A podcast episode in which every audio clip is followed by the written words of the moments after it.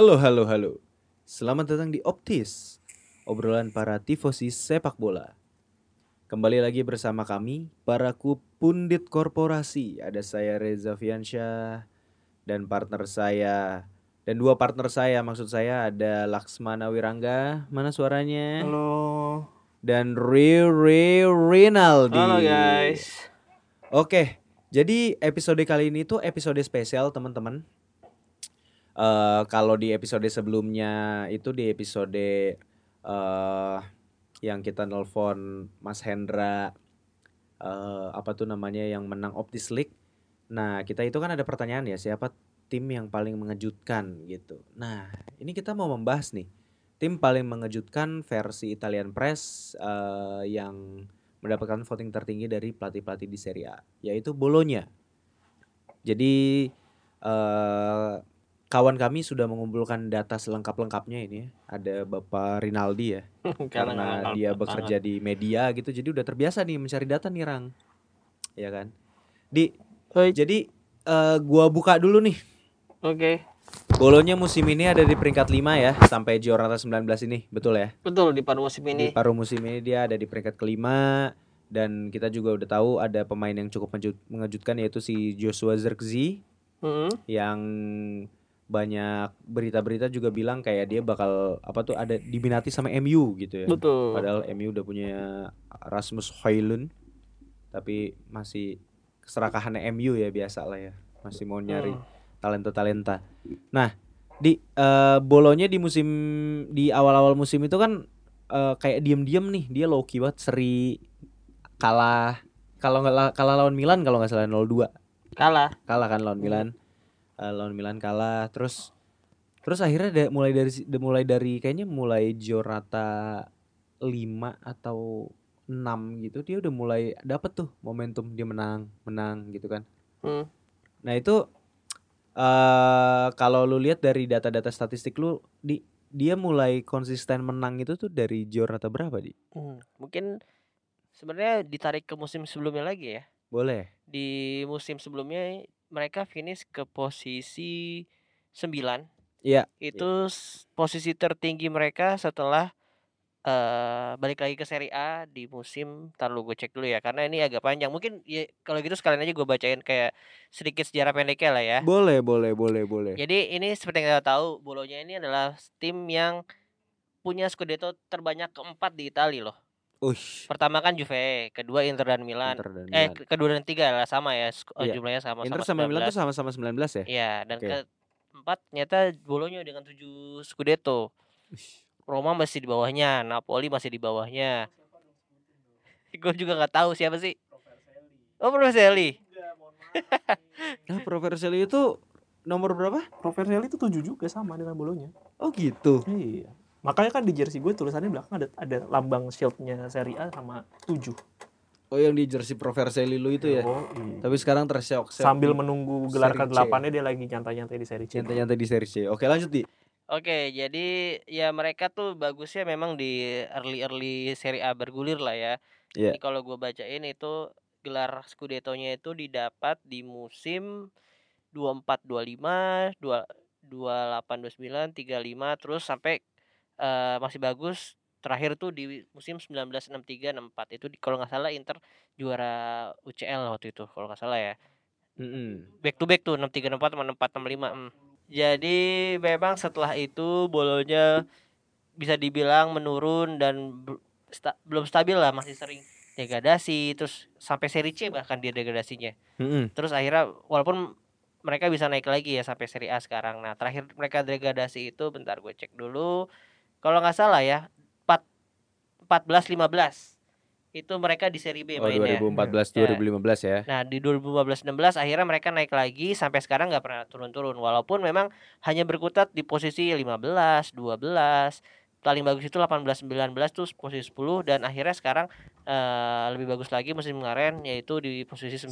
9. Setelah dipegang oleh Thiago Mel Thiago Mota. Mota. Memang yeah. menurut gua salah satu faktor utamanya adalah Thiago Mota di sini sih. Oke, okay, oke. Okay, Karena okay. dia kan menggantikan Sinisa Mihajlovic yang ya sayang sekali kita berduk, berduka cita lah ya nah. maksudnya kehilangan pelatih kehilangannya karena uh, dia meninggal dunia gitu pasti agak berat juga untuk main-mainnya iya, tapi iya dipegang Thiago Motta ternyata uh, ya blessing in disguise agak naik lah ya satu pos secara posisi uh, posisinya dan mungkin ini juga agak uh, trivia sedikit sini sama Hajlovic itu mengawali karir kepelatihannya di Bolonya dan sayang sekali harus mengakhirinya juga di Bolonya jadi Ya. Oh, keren ya. respect lah untuk respect respect ya. Dan ya ya eh, rest in peace juga dan untuk mengakhirinya juga di ini ya. Ya walaupun akhirnya juga di Genoa dan dia tutup usianya di situ. Ya. Bolonya ya. bukan Genoa. Eh, sorry. Bolonya, sorry sorry. Iya. ngapain dia? Oke, terus ya tadi seperti gue bilang, Thiago Motta ini membawa uh, bolo bolonya ke arah yang lebih bagus. Sebelum di, sebelum dipegang Thiago Motta tuh seingat gue musim-musim itu agak agak susah lah melawan tim-tim besar lawan Inter tuh dua kali menang eh kalah 6-1 atau 5-1 gitu back to back. Hmm. Iya. Yeah. Dan setelah itu yang di terutama di musim ini ya lawan tim-tim besar itu cuman kalah sama Milan, lawan Juve bisa seri, Inter seri. Dan secara tim sebenarnya konsi lebih lebih banyak menghangatkan bangku papan tengah lah ya. Iya, untuk saat 15, ini ya. Iya, iya. Uh, 10 mungkin paling tinggi dulu sama terakhir itu 9 seingat gue di musim lalu 9 Iya bisa langsung sembilan hmm. benar-benar. Nah itu kalau dari gue sih ya faktor pertamanya di Thiago Motta, keduanya itu ya di pilihan-pilihan pemain mereka yang kalau gue lihat dari line up, eh, maksudnya ya seluruh pemainnya ya, kebanyakan usianya muda sih, muda dan dicampur dengan main-main uh, bukan apa ya main, bukan main tuh apa sih main berpengalaman seperti berpengalaman veteran, di Silvestri, Silvestri sekarang jadi kaptennya hmm. ya itu uh, racikan Thiago Motta pas lah dengan main muda dan main uh, tuanya. Terus dia sekarang juga punya technical director yaitu Giovanni Sarvatori. Eh, Giovanni Sartori yang sebelumnya itu menangani Atalanta, Atalanta dari musim 2014 sampai 2022 di mana kita tahu di musim-musim itu Atalanta sering melahirkan main-main bagus juga. Hmm. Uh, contoh lah uh, Frank Casey, yeah. terus ada Alessandro Bastoni, ya Gagliar ini mungkin salah satu yang sebenarnya bagus di awal di Atalanta tapi di Interflop terus uh, nama-nama Matteo Pessina dan Colpani itu juga sebenarnya dari Atalanta dia bajak dari Monza juga waktu itu jadi okay. uh, eh, ya Sartori ini juga punya peran juga menurut gue ya. Dia sangat sehat sih. uh, dia dia di Atalanta uh, dia yang membawa membawa Atalanta jadi langganan di Eropa kan. Entah itu di UCL di Europa League. Jadi ketiga faktor inilah yang menurut gue kenapa bolonya bisa uh, sejauh ini bisa nangkring di zona Posisi Eropa. Eropa ya ada. Liga Italia ya. Ya. Jadi emang jangan meremehkan juga kekuatan manajemen ya. Sebenarnya klub bola ini tuh bukan cuman sekedar pemain dan pelatih ya. Tapi memang siapa yang memilih pemain dan memilih pelatih dan filosofi bermain dan uh, lain sebagainya itu tuh dari sisi manajemen ya. Kita bisa lihat Napoli ya. Napoli ini manajemen ancur-ancuran kita lihat timnya nggak ke mana-mana gitu kan. Itu belajar tuh orang. Coba ngomong sama di Laurentis deh balik lagi kita ngomongin bolonya ya. Uh, sebenarnya salah satu salah satu okay. uh, eh, momen terbaiknya dia itu sebenarnya di medio 90-an akhir ke 2000-an karena dia dua kali masuk final, uh, final Intertoto, Intertoto kan. Intertoto sekali menang, sekali kalah lawan Fulham waktu itu di 2002 ya, seingat gue ya. Iya, itu terakhir dia main di Eropa juga. Di Eropa. Ya kalau kita menghitung itu sebagai Liga Eropa ya karena sebenarnya itu juga masuknya di preseason kan seingat gue. Iya, karena Inter Toto tuh juaranya sampai tiga juga sebenarnya. Iya, betul, betul. Jadi ya bisa dibilang sebenarnya ya semi biarpun itu dibilang official official uh, match day-nya di di UEFA tapi ya masih hitung-hitungannya lucu-lucuan lah sebenarnya. Tapi ya balik lagi ya bolonya yang kita tahu sekarang itu biarpun mungkin pada saat ini di tag secara performance lagi lagi tidak membaik ya Betul. ya lah ya atau lagi kurang lah ya tapi uh, banyak faktor yang yang membuat dia sebenarnya bisa bisa dibilang jadi salah satu kuda hitam juga di di Serie A karena banyak yeah. banyak juga pertandingan-pertandingan yang bisa dibilang dia mengambil poin penuh, kadang juga dia Dan mencuri poin. Mengambil poin penuh itu biasanya mereka bagus dia bagus lawan tim-tim besar. Lagi-lagi mungkin seperti Atalanta sama Sassuolo ya beberapa musim terakhir lawan lawan tim-tim besar justru lebih bagus gitu. Dia Betul. dua kali menang di Olimpico melawan Lazio 1-0, hmm. lawan Roma 2-0. Siapa lagi tim besar ya? Eh, Fiorentina dia juga menang Fiorentina, ya kalau nggak salah. Ya. Fiorentina lawan Napoli seri, Juventus Atalanta seri. dia menang. Iya, Atalanta menang. Inter jadi... biarpun dia main di Coppa tapi dia berhasil dapat poin penuh. Fiorentina kalah, sorry. Uh, Lazio menang, lalu juga Juve. Inter, oh iya lawan Lazio dia Inter menang. ambil curi poin, Napoli dia curi poin, Juventus dia curi poin. Hmm. Jadi uh, memang cukup impresif lah kalau bisa dibilang di musim ini. Nah, yeah, mungkin Inter Inter pun yeah, seri lah seri. Inter, Inter berarti dua kali ketemu belum belum pernah menang berarti. Belum pernah kan menang musim ini. Ya, berarti menurut lu kalau ngomong uh, mungkin kalau kita bicara masalah kesuksesan apa yang terjadi di musim ini buat lu apa faktornya di selain Thiago Motta karena kita tahu Thiago Motta udah pasti dia jadi salah satu orang yang berperan untuk membawa bolonya dengan tactical dan result sekarang lah ya. Betul. Ya kalau misalnya kita sebut pemain ya tadi kan kalau manajemen ya pasti Thiago Motta sama Sartori kalau kita sebut pemain yang benar-benar uh, breakout musim ini ya semua pelatih juga setuju kan Joshua Zirkzee. Betul. Joshua Zirkzee musim kemarin udah cukup kelihatan musim ini dia kayak nih kayaknya memang season gua nih untuk uh, bersinar, bersinar ya. dan menunjukkan ke dunia ada pemain bernama Joshua Zirkzee main Belanda keturunan Nigeria yang dulunya pernah main di Bayern Munchen tapi nggak sukses-sukses amat tapi gue bisa sukses di Liga Italia gitu dan dia gue lihat dia gue selalu mengulang-ulang uh, apa ya gue selalu lihat dia tuh dia punya composure yang oke okay, terus finishingnya juga sejauh ini. Oke dia sejauh ini udah 8 gol ya kalau nggak salah. 8 gol ya ikut penalti pokoknya ada 8 gol. Terus satu lagi selain Joshua Zirkzee ada si Lewis Ferguson ya. Itu oh, iya, bener, bener. asal Skotlandia. Dia tuh sebenarnya IMF cuman uh, kalau lu lihat uh, permainannya dia tuh nggak fokus nyerang doang dia bertahannya juga oke okay. iya. dia itu umur 25 tahun kalau nggak salah dan ini gue karena gue main FIFA ya gue tahu dia punya five star uh, five star skill move jadi di Liga Anjay. Italia itu cuman cuman ada dua doang yang punya five star skill move Cuadrado sama dia doang. Berarti dia secara teknikal emang bagus dong. Dia emang bowlers lah kalau mungkin yeah. anak-anak uh, sosial media bola tuh nyebutnya tuh bowlers lah. Dia yeah. bisa skill-skill segala macem. Jadi pemain ini gue nggak tahu dia dari mana sebelumnya kok bisa dari Aberdeen. Aberdeen ya. Jadi emang tim asal Skotlandia kan. Betul. Jadi ini ya lagi-lagi gue bilang tim scoutingnya Bolonya ya di kepala oleh Sartori bekerja dengan baik itu Dan cuma dengan mengeluarkan budget 2 juta. Oh, 2 juta. Kurang lebih 2 juta euro lah.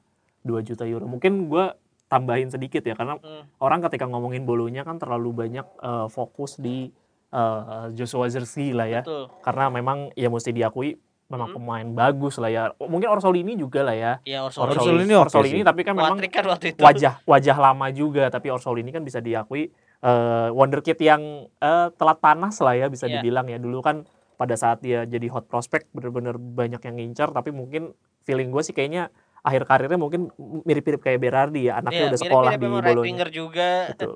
Eh, lu jangan lupakan ada Alex Selemakers di Bolonya, Bro. ya, biarpun Itu posisinya Messi posisinya banyak banyak disingkirkan juga ya karena kan ya jadi lebih lebih sering jadi pengangkat bangku cadangan dan iya, rotasi kan sebenarnya. Kalah sayang kan. sama Orsolini juga kan. Iya, iya, karena Ferguson juga di pertandingan terakhir yang kalah 2-0 itu dia bermain di posisi winger kiri sebenarnya.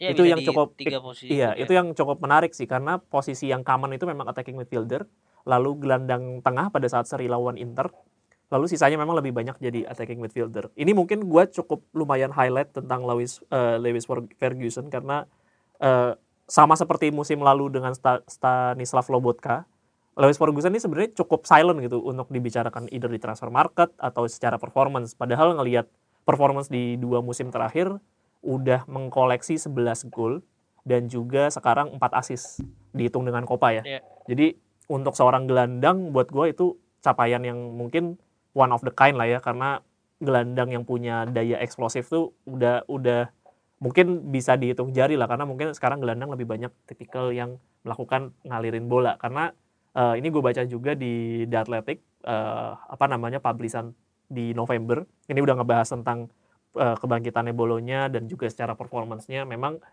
uh, Thiago Motta menyebutkan justru yang disebutkan pertama kali adalah nama Lewis Ferguson yeah. karena yeah, yeah. buat buat dia malah dia berani bilang tapi memang finger finger cross dia bilang secara style dia mirip Jude Bellingham memang hmm. ya menurut gue masih masih cukup gapnya masih cukup jauh tapi untuk seorang gelandang cuma ya, tapi dihargai secara gaya ya secara gaya dan secara, secara skill dan permainan secara enggak, enggak, pricing enggak 2 juta euro mendapatkan seorang yeah. Lewis Ferguson dan memang juga secara pemain uh, di Scottish juga bukan tim yang mentereng juga Aberdeen itu kalau di era modern ya udah bukan tim Scottish papan atas gitu karena kita lebih kenal dengan Celtic dan Rangers gitu. Iya. Tapi menurut gue apa yang dibangun sama Thiago Motta itu memang sudah mulai terlihat bahwa secara pemain punya punya individualitas dan juga secara teamwork yang cukup baik karena kalau kita lihat momen-momen golnya Zirkzee banyak asis yang diciptakan dari si uh, Lewis Ferguson gitu. Jadi memang mesti diakui Lewis Ferguson juga jadi salah satu pilar utamanya Thiago Motta juga sih.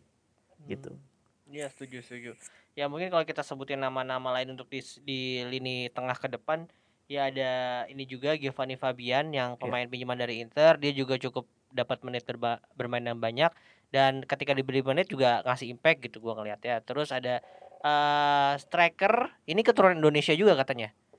Siapa namanya? Asal Belanda yaitu Sydney Van Hooijdonk. Oh, Van Hooijdonk. Kemarin tuh udah sempat-sempat ada rumor juga dia mau dinaturalisasi juga. Terus ada Ndoye yang lagi cedera. Hmm. Tengahnya ada Michael Abisher yang asal Swiss juga sama Remo Freuler. Remo Freuler kan ya, Remo pemain sih udah, Atalanta yang udah iya. gaek lah ya. Nah, ya. main di Premier League juga. Betul. Nah, uh, mungkin ini agak underrated juga nih untuk uh, lini pertahanan Bolonya. Sejauh ini gue cek udah apa kebobolannya? Kebobolannya sampai saat ini Kebo 16 gol di Serie A. 16. 16. Itu mungkin enggak uh, lima terbaik kalau nggak salah ya. Kalau gua nggak gua nggak lihat statistik uh, lengkapnya. Soalnya yang yang cuman yang masih di bawah under 10 ya cuman Inter sama Inter. Juve doang. Betul. Tapi Juve sekarang udah 12 oh 12 iya. Ya itu beda berarti cuma sama Juve beda 4 doang kan? Itu betul. uh, sebuah sinyal yang bagus untuk tiga terbaik.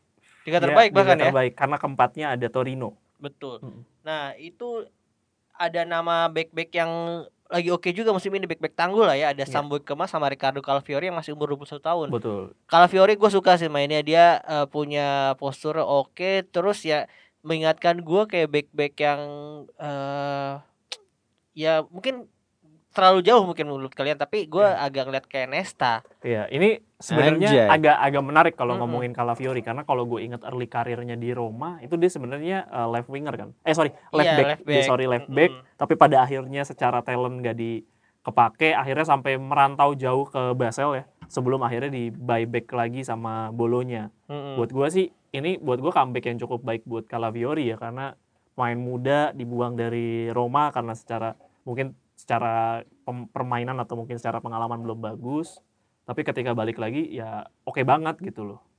Ada Lukumi juga ya, mesti diingat ada John Lukumi juga asal Kolombia ya asal Kolombia mainnya cukup apa namanya fisik banget tapi memang keren. Dan jangan lupakan ada pemain wonderkid juga di sana namanya Wisdom Ami. Wisdom Ami ini uh, sebenarnya secara kesempatan sih belum belum banyak bermain tapi once dia udah dapat menit bermain yang cukup sih buat gue bisa jadi back salah satu back terkuat di Serie A juga sih itu oke. Apalagi ya gue mau nyeritain juga nih mungkin secara teknis sedikit ya. Ini gue baca berdasarkan statistik ya. Hmm? dari statistik yang gue dapat ini uh, berdasarkan Huskort jadi gimana sih uh, karakteristiknya bolonya nih di hmm? musim ini gitu ya? Jadi bolonya itu tuh uh, punya kekuatan di uh, apa tuh dari direct free kicks Nah itu bolonya punya kekuatan di sana, terus bisa creating chance uh, dari individual skill. Habis itu bolonya juga punya kekuatan di protecting the lead nih. Di. Jadi ketika bolonya udah unggul, itu emang jarang dikejar nih. Nggak yeah. nggak yang gampang Gak yang gampang kebobolan kayak Cagliari yang kita tahu gitu loh. Cagliari dia oh, unggul, dia dia ya, selalu juga ya. Iya, seleritannya juga gitu. Terus uh, mencuri bola dari dari lawan stealing the ball from the opposition. Gitu. Nah, cuman dari weakness areanya nih kalau dari kelemahannya itu bolonya sering kali bikin foul di daerah-daerah yang berbahaya nih buat mereka gitu. Nah, terus uh, cara bermainnya bolonya itu uh, mereka itu biasa pakai 4-2-3-1 pakai empat dua tiga satu di mana mereka itu akan nyerang dari kanan, akan nyerang dari kiri. Jadi uh, dia akan untuk uh, finishing ke sepertiga akhir itu dia nyerangnya dari sayap ya. Nah, terus untuk membangun serangan sebelum ke sepertiga akhir itu mereka menggunakan possession football nih. Jadi mereka akan uh, ngontrol permainan, nguasain permainan dengan passing-passing pendek gitu. Hmm. Ya, ya. Uh, nah, untuk gitu. masalah formasi sebenarnya ada yang menarik di interviewnya Thiago Motta beberapa uh, bulan yang lalu ya. Iya, gimana tuh? Dia itu nyebutnya bolanya itu nggak main 4 2 3 1 atau 4 3 3. Dia lebih yeah. nyebutnya 2 7 2. 272. Iya, Oke. karena dia ngeliat dari samping, dari secara horizontal bukan vertikal. Oh, gitu. Iya lucu sih ya. Lucu ya. Iya ya, bisa ya Tiago Motta ya suka-suka dia aja sih. Lagi di atas angin soalnya biarin aja Tapi, dia mau bilang apa juga. Eh iya, eh, Thiago Motta menurut gua dia kan sebelumnya tuh di Spezia ya. Di Spezia ini Iya. kurang oke kalau nggak salah. Terus akhirnya eh, tadi seperti gue bilang menggantikan Sinisa Mihajlovic. Ya ini pasti ada kayak ya, beberapa ilmu yang diserap juga dari pelatih eh mantan pelatih yang pernah dia jadi pemain gitu. Waktu dia Iya. jadi pemain dia pernah main di latih Mourinho, waktu dia angkat UCL terus di Barcelona dia juga angkat UCL kalau nggak salah waktu itu masih Rijkaard ya apa udah Pep ya gue lupa juga Udah Pep betul. Udah karena, Pep ya? Karena seingat gue dia udah dilatih sama pelatih-pelatih besar sih. Pep eh, sama Mourinho dia udah pernah. Mourinho terus Iya, di PSG sama PSG Unai sama Emery Unai Emery Emery. ya memang eh, saat ini namanya belum sebesar kedua nama tadi cuman Tapi pelatih top lah itu. Pelatih top, top. maksudnya di Arsenal juga nggak jelek-jelek amat. juga. Ya di Sevilla dia kan ngebawa Sevilla iya ber juara juara-juara berkali-kali. betul jadi memang eh, ya dia pemain gue percaya sih pelatih terbaik tuh biasanya datang dari pemain gelandang karena ya gelandang saat dia jadi pemain dia juga udah udah mikirin taktik gitu Iya sih. Iya kan? Kalau kalau mungkin kalau striker ya urusannya dia mikirin cuma gimana gue cara cetak gol kan. Kalau gelandang kan pasti ad- ada mikir juga gimana gua membuat teman gue cetak gol atau gue sendiri yang cetak gol atau gimana untuk membuat pertahanan yang bagus. Iya. Jadi gelandang itu menurut gue memang uh, lebih punya football IQ yang tinggi lah. Iya, gue setuju. Gue setuju. Dan terlebih lagi dia juga lulusan dari Coverciano. Jadi ya Nah, dari udahlah. dari, Dari salah satu sekolah uh, pelatih terbaik. terbaik di di dunia, dunia. salah satu lah ya. Salah satunya lah ya. Jadi Iya. memang udah ya gara ya gue ngeliatnya sih garanted bakal jadi pelatih gede juga masa depan. gua ngelihatnya ya gua ngelihatnya gini sih. Eh Coverciano itu kan emang emang emang sekolah kepelatihan yang mewajibkan lu itu untuk punya eh ini ya pakem yang out of the box karena dia tuh nggak akan yang kayak ngasih buku panduan nih jadi Hmm. pelatih nih gini caranya gitu. Jadi Iya. untuk lulus Coverciano itu lo harus bikin ini kan kayak tesis gitu loh. Iya betul. Nah, Jadi gua ngelihatnya kayak Thiago Motta lulus dari situ dengan kreativitasnya dia secara di kepalanya gitu ya untuk bikin tesisnya dan dia bermain sebagai gelandang yang ya kita juga tahu kita masih nonton lah ya Thiago Motta mainnya gimana gitu. Iya, betul. Maksudnya dia gelandang yang mungkin bukan gelandang yang eh, flamboyan kayak Pirlo gitu, tapi gua ngelihatnya sih dia gelandang yang emang secara fisik oke dan secara permainan itu eh dan secara visi juga oke gitu. Jadi fisik oke, visi oke. Mungkin gua kalau nyamain ya kayak Gerrard lah gitu. Posisi-posisi box to box gitu. Tapi juga bisa jadi breaker. Iya kan? Biarpun bermain agak lebih turun ke Dia- belakang ya. Ke di- Iya. di era-era Iya, terakhirnya dia karena Ah, ah. Hmm. me- menuntut menuntut fisik yang jauh lebih rendah dibandingkan ketika dia di gelandang yang lebih kreatif ya. Iya benar. Nah itu kan. Jadi gua rasa itu emang kombinasi yang pas untuk akhirnya jadi pelatih sih.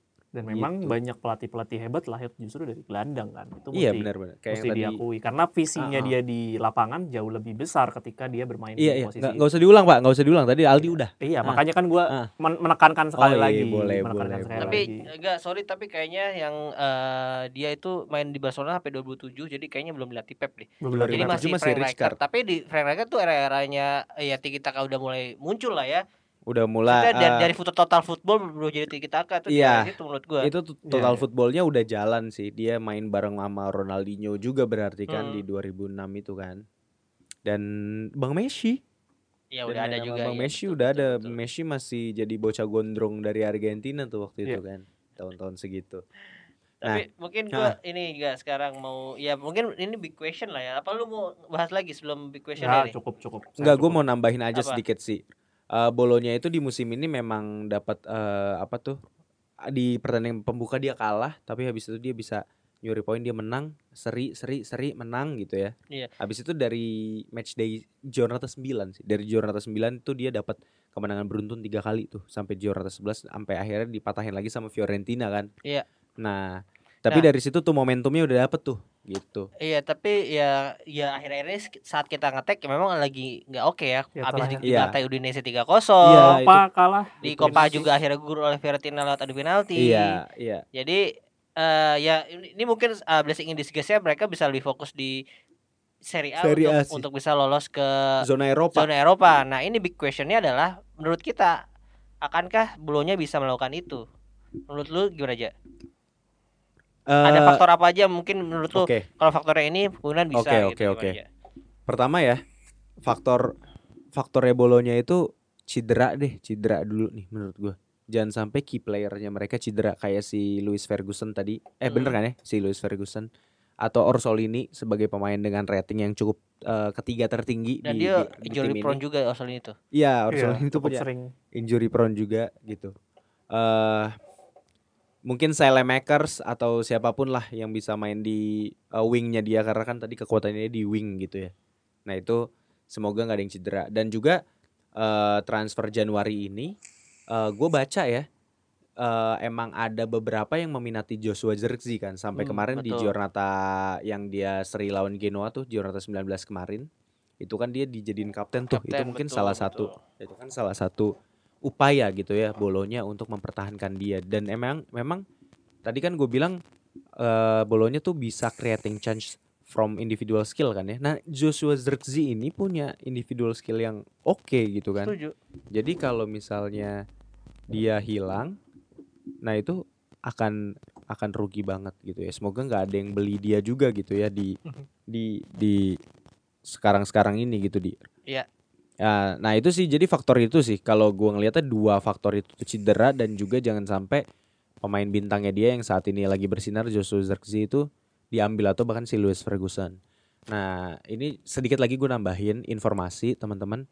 Jadi karena ada gue lupa pokoknya di Italia itu ada ada masalah tax tax apa atau atau apa gitu lah pokoknya masalah perpajakan perpajakan ini yang growth degree itu iya jadi ini akan membuat uh, bursa transfer tim-tim Italia. Jadi pemain masuk ke tim Italia itu akan lebih sulit gitu.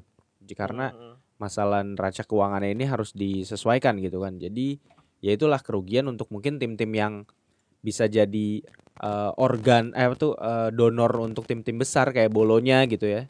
Itu kan berbahaya juga tuh karena nggak bisa nyari pengganti yang sepadan atau ya paling enggak cuman satu tingkat di bawahnya lah gitu untuk mempertahankan momentumnya Gua rasa itu sih di. Tapi kalau misalnya itu lu prediksi lu uh, bulonya bakal stay di zona Eropa dan seenggaknya mungkin posisi berapa menurut lo? Menurut gua bolonya bisa banget ada di posisi 7 sih se se apes-apesnya di Serie A ini. Gua rasa bolonya itu punya kans untuk akhirnya dia lolos ke Conference League paling enggak gitu. Okay. Kalau nggak salah Conference League itu posisi 7, 7 kan. 7, 7, 7. Nah, kenapa gua ngomong kayak gitu?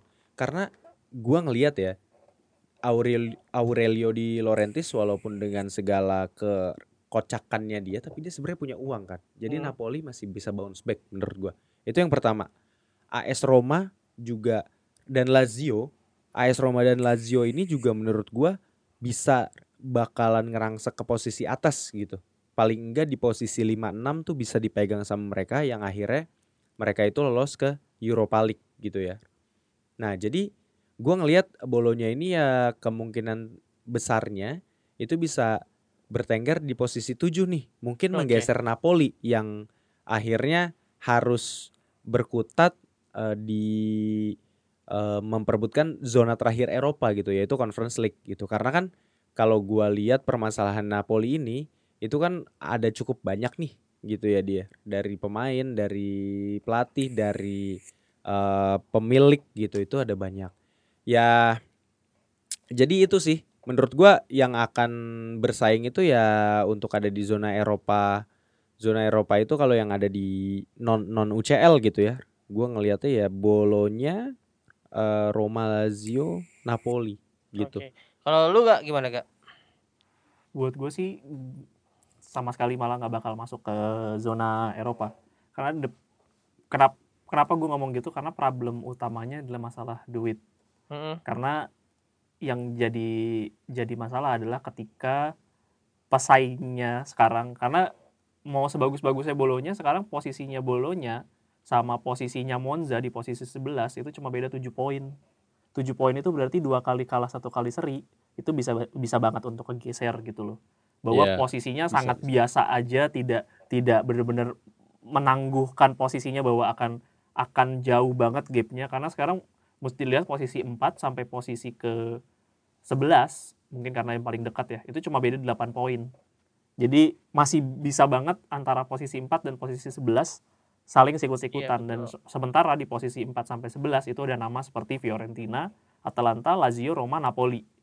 Mungkin Torino dan Monza gua eh sorry Torino dan Bolonya gua keluarkan, Monza masih ada potensi karena secara backing duit setahu gue Bolonya tuh salah satu yang cukup kuat juga. Bolonya sebenarnya konsorsium Amerika juga dia. Konsorsium yeah. Amerika tapi transfer yang dilakuin semuanya hmm. transfer strategis semua, nggak ada transfer-transfer yang big transfer gitu, semuanya transfer strategis kalau lo lihat. Moneyball. Iya, Moneyball dan yang kita tahu dengan teori Moneyball potensi untuk juara ataupun melanggeng jauh itu memang potensinya sulit banget. Sulit. Sulit. Makanya tinggal lihat aja yang sebenarnya jadi faktor utama adalah bagaimana nanti uh, tadi tim selain mungkin gue keluarkan Monza dan Bolonya itu akan bergerak gitu di musim transfer. Orang Bolo Monza aja sekarang setahu gue rumor transfernya udah ada empat atau lima pemain. Ya, Sementara Bolonya Daniel Maldini itu udah iya. udah confirm. Udah confirm. Kipernya Napoli nih kita Contini juga mau dipinjam ke hmm. Monza juga. Jadi sebenarnya yang jadi kok jadi faktor utama apakah Bolonya bisa melanggeng atau enggak konsistensi tim yang tadi tujuh tim tadi ya, dan setuju gua. kekuatan finansial mereka yang tadi karena Bolonya itu lebih banyak trans, uh, isu transfer keluar dibandingkan transfer ya, masuk. betul betul. Jadi ya, itu, itu kalau yang lu tahu maksudnya isu transfer keluar itu apa kayak emang gara-gara pemain lagi bagus, bagus banyak peminat bagus. atau memang ada kebutuhan urgensi untuk jual pemain? Tidak ada. Sebenarnya tidak ada ya. Dari pemainnya dorongannya menurut iya, gua. betul. Hmm, karena okay. dari kemampuan pemainnya sih lebih lebih banyak ke situ jadi ya itu sebenarnya kenapa gue nggak nggak berani memasukkan bolonya sebagai kompetitor Eropa tapi menyusahkan tim yang lain untuk masuk ke zona Eropa itu okay. doang sih menurut gue. Oke okay. oke okay, mungkin kalau lu di kalau terakhir dari gue ya uh, ya gue akan faktor-faktornya agak ag setelah Rangga ngomong kayak tadi akan nambah satu lagi yang bakal gue bahas mungkin ya ya faktor yang tambahannya itu adalah ya gimana keinginan si pemilik atau manajemen ini untuk kayak bertindak. Iya, maksudnya ini kan apa sebenarnya gitu ya? kan ya tadi ah, Raga ah, bilang nggak ah. nggak nggak butuh jual pemain sebenarnya kan nggak ada nggak ada agensi. Tapi ya mungkin dia bakal kegoda nggak dengan duit iya, tawaran yang kayak ditawar 70 juta ya masa nggak dilepas gitu. Iya, makanya dari situ mungkin apakah dia akan langsung tergoda atau memang dia punya kayak uh, im, bukan visi, impian ya, mungkin visi, visi untuk ya ya sengganya bolonya musim ini karena udah udah kelihatan berpotensi dia bakal mempertahankan tim tim ini atau enggak gitu loh maksudnya hmm. ya di luar dari Zirkzee ada Luis Ferguson juga yang eh, sebenarnya kemarin gantian ya eh, waktu lawan Bolonya kan eh waktu lawan Genoa si Zirkzee jadi kapten waktu hmm. lawan Fiorentina di Copa si Luis Ferguson jadi kapten mungkin oh. ya ini juga salah oh. salah satu cara si pemilik atau manajemen untuk mempertahankan dua pemain utamanya ini kali ya gue juga nggak tahu tapi ya gue sih lihatnya gitu jadi karena gue lihat kayak gitu gue rasa si manajemen masih ada udah masih ada hasrat untuk menggedor seri A ini nih. Maksudnya karena mereka punya kesempatan punya potensi ya mereka juga kayaknya di di sengaja di winter transfer ini akan mempertahankan main itu. Mungkin baru di musim depan bakal dijual entah itu harganya bisa nambah naik atau mungkin agak sedikit turun. Ya mungkin gambling si pemilik atau manajemen akan ada di situ sih. Ya. Amin amin. Gue gue gue gue berharap sih berharap, akan ya, stay. Gue berharap akan stay. Walaupun karena, akan menjilatkan Inter ya gue uh, lebih ngelihat ke Serie A-nya gitu. Iya, iya gue ngelihat sebagai penikmat bola dan kebetulan Serie A nih ya, hmm. ya makin banyak persaingan ya makin seru jadinya nontonnya nah, juga makin enak. Otak ya kan? realistis gue berkata bahwa itu tidak akan mungkin. Nah, si, itu sih. Okay. ya mungkin gue ngambil use case Dragusin di Genoa aja, yeah. pengennya mainnya di Premier League. Itu aja udah menggambarkan secara keseluruhan Bayar Munchen datang dengan uang yang yeah. lebih besar dia nggak mau. Nggak mau. Gitu. Ya, Jadi, tapi nggak bisa nggak bisa kayak gitu juga sih Rang nggak bisa dipukul rata menurut ya, gua. Ya nggak bisa dipukul rata tapi Osimen mau pindah ke Chelsea ke para sekalian nah, ke Bayar Munchen. Maksud gua gini, maksud gua gini. Eh uh, ya gue setuju lah, gue setuju. Bolonya ini juga mungkin punya arah kebijakan yang yang ini loh, belum tentu dia bisa mempertahankan visi timnya dia gitu ya karena ini bisa jadi ada dorongan dari pemainnya yang mau pindah iya. karena karena 72% pemain gen uh, sorry bolonya itu adalah foreigner. Foreigner gitu. benar, foreigner kan Belanda juga. Iya. nah, itu kan pasti mereka juga emang menjadikan bolonya ini sebagai batu loncatan batu gitu ya, loncatan. Ya, Mesti untuk, diakui lah bahwa mm, Serie A itu bisa jadi yeah. Serie A La Liga mungkin saat ini sorry tuh saya gitu ya. Memang jadi batu loncatan gitu untuk untuk main di Premier League gitu. Mesti diakui liganya memang Farmer League, mesti mesti diakui bahwa iya. liga Serie A itu memang sa salah satu Farmer League-nya Premier League. Iya, gitu. iya, tapi tapi juga maksud gue uh, ada harapan juga kalau misalnya memang mungkin dari sisi uh, kultur Italinya nih akhirnya kena gitu ke pemain-pemainnya Rang. Walaupun kalau kayak tim kayak Bolonya dan apalagi pemiliknya dari Amerika nih ya. Ya sulit nih bisnis banget gitu. Cuman uh, gua nggak tahu juga arahnya gimana kalau dari berita yang kita kulik ya dia, hmm? yang udah kita kulik dan kita populer datanya di untuk episode kali ini, kita sih ngelihat dia masih punya visi nih. Gitu ya, kan ya, ya makanya ya. tadi. Makanya tadi gue bilang gitu juga. Uh -uh. Dan ya walaupun gue setuju sama Rangga, ya Betul. bisa jadi. Bisa gitu. jadi juga ya. Ya ini kalau what if uh, Bolonya bisa mempertahankan pemain-pemain andalannya saat ini dan mungkin akan menambah sedikit pemain-pemain yang dikira bisa melapis uh, uh, ya ya seenggaknya lini tengah dan lini depan gitu. Lini belakang juga sebenarnya nggak terlalu banyak sih karena ada yang cedera juga. Yeah. ya bukan pelapis yang nama besar tapi yang mungkin mereka rasa bisa lah. Karena kan lain-lain gue bilang ada Sartori di sana yang mungkin bisa menemukan bakat-bakat baru yang oke okay gitu. benar benar benar. Ya, gue rasa sih uh, si Bolonya bisa stay di lima atau enam bahkan. Kalau lu tadi bilang tujuh, gue lima enam.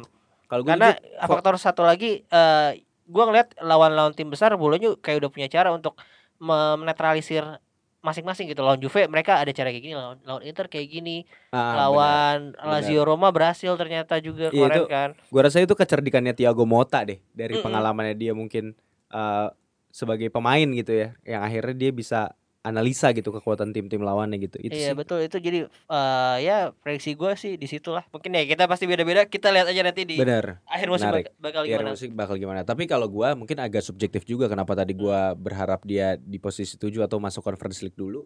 Karena ketika main di Eropa gue pengennya dia juga ngerangkak nih. Maksudnya kan kayak biar jangan langsung kaget nih mainnya iya, di UCL betul, gitu tiba-tiba kan aduh. Iya pasti gue kayak Atlanta awal-awal lah waktu itu langsung dibantai siapa ketemu apa ya gue lupa deh Iya. Di pantai juga. Walaupun ya akhirnya bisa kompetitif gitu ya iya. di UCL ya gitu. Dan gue nggak tahu stadion Renato Daara tuh udah standar UEFA UCL belum ya? Soalnya waktu eh, Atalanta itu jujur. aja dia minjem stadionnya Sassuolo kalau nggak salah. Si JW Stadium tuh belum standar. Jadi minjem si apa tuh nama Sassuolo? Mape, Mape, Mape Stadium. Stadium. Jadi yeah. itu mungkin masalah tim-tim Serie A. Dan ini gue mau tanya mungkin sebelum menutup. Lu mau nutup belum? Belum, belum, belum. Lu silakan dulu. Uh, gue mau tanya ya ini karena kita lagi bahas bulunya ya. Hmm. gue pengen nanya notable player lah yang lu yang lu inget kalau kita lagi ngomongin bulunya biasanya siapa? Notable player ini maksudnya yang masih eksis atau ya, yang enggak yang udah dulu dulu gitu. Mungkin gua sebutin awal mungkin Marco Di Vaio lu lu tahu kan oh tahu Marco Di Vaio iya Marco Di Vaio 20 iya lagi itu kan Marco cukup cukup identik lah dengan kalau mau bolanya kayaknya dia nih. Gua aduh Bolonya. Kalau salah dia sporting director ya sekarang deh, gue lupa. Tadi gue hampir kayak baca juga deh. Bolonya, bolonya gue agak ngeblank sih di. Gue pengen bilang Gilardino tapi Gilardino itu di Genoa. Uh, mungkin ini Pak Liuka, Pak Liuka juga uh, sepotu itu cukup bersinar. Marco Di Vaio sih, iya gara-gara lu ngomong Marco Di Vaio, Marco Di Vaio ya, tuh. ini walaupun sebentar uh, Roberto Baggio itu 97 98 dia gak, main gua gak satu nonton, musim bukan, doang. Bukan era yang gue udah nonton Serie A so iya, gitu kan. Dan dia itu menang Intertoto juga. Kalau lu nggak ada nggak nama-nama notable player? Orsolini buat gua nggak ada lagi. Orsolini sih karena udah lama banget. Top of mind ya, sih Orsolini. Di eh, di medio 2000-an kan juga gua nggak yang terlalu paying attention di Serie A juga. Iya, gue sih Marco Di Vaio ya, itu sih. Pagliuca gue tahu, tapi ya bukan gue yang kayak pengen attention. Wah, Pagliuca main di bolonya enggak? tahu. Nah, gue gua nggak langsung kepikiran Marco Di Vaio tuh di karena emang jujur kalau bolonya gue ngeblank gitu ya, enggak. Genoa gue masih ya paham. biar Di Vaio main lama banget nah, ya. Karena Marco Di Vaio itu gini, kenapa gue akhirnya nge gara-gara lu ngomong kalau misalnya dulu gue ngebuka live score gitu di handphone gitu ya sebelum handphone jadi kayak sekarang gitu ya masih di BlackBerry gitu itu dia suka ada kan ngegolin ngegolin gitu kan kayak iya, Di dia salah satu main underrated juga waktu zaman zamannya dulu. Iya iya iya. Itu menarik sih. Ya Nicola Ventola juga pernah. Ya mungkin akhir-akhir ini ada inilah ada Takehiro Tomiyasu sebelum ke Arsenal kan dia sebelum ke Arsenal oh iya iya Tomiyasu ya iya benar benar. Terus benar. mungkin kalau ini uh, Nicola Sanson yang waktu itu nyetak gol ke gawang Radu. iya yang akhirnya Milan juara ya? Iya, terus Jerry Schouten. Nah, itu gua nggak tahu. Itu itu baru-baru ini sih. Ya udah mungkin itu aja kali. Ya udah, itu aja. Rangga ada tambahan buat bolonya? Tidak ada. Sukses terus. Sukses, terus buat bolonya ya. Semoga pokoknya. mencapai apa yang dia cita-citakan ya. amin, amin, amin. Oke, teman-teman. Jadi untuk episode kali ini itu aja. Uh, kalau teman-teman punya pandangan lain tentang Genoa, eh so, kok Genoa, tentang bolonya atau mungkin ada mau join discussion atau melengkapi pernyataan kita, feel free untuk komen gitu ya dia di Instagram boleh di uh, kolom Q&A boleh untuk di podcastnya gitu. Satu lagi Alessandro Diamanti itu free kicknya oh jago oh, iya, banget itu aja dulu. Iya iya Diamanti ya.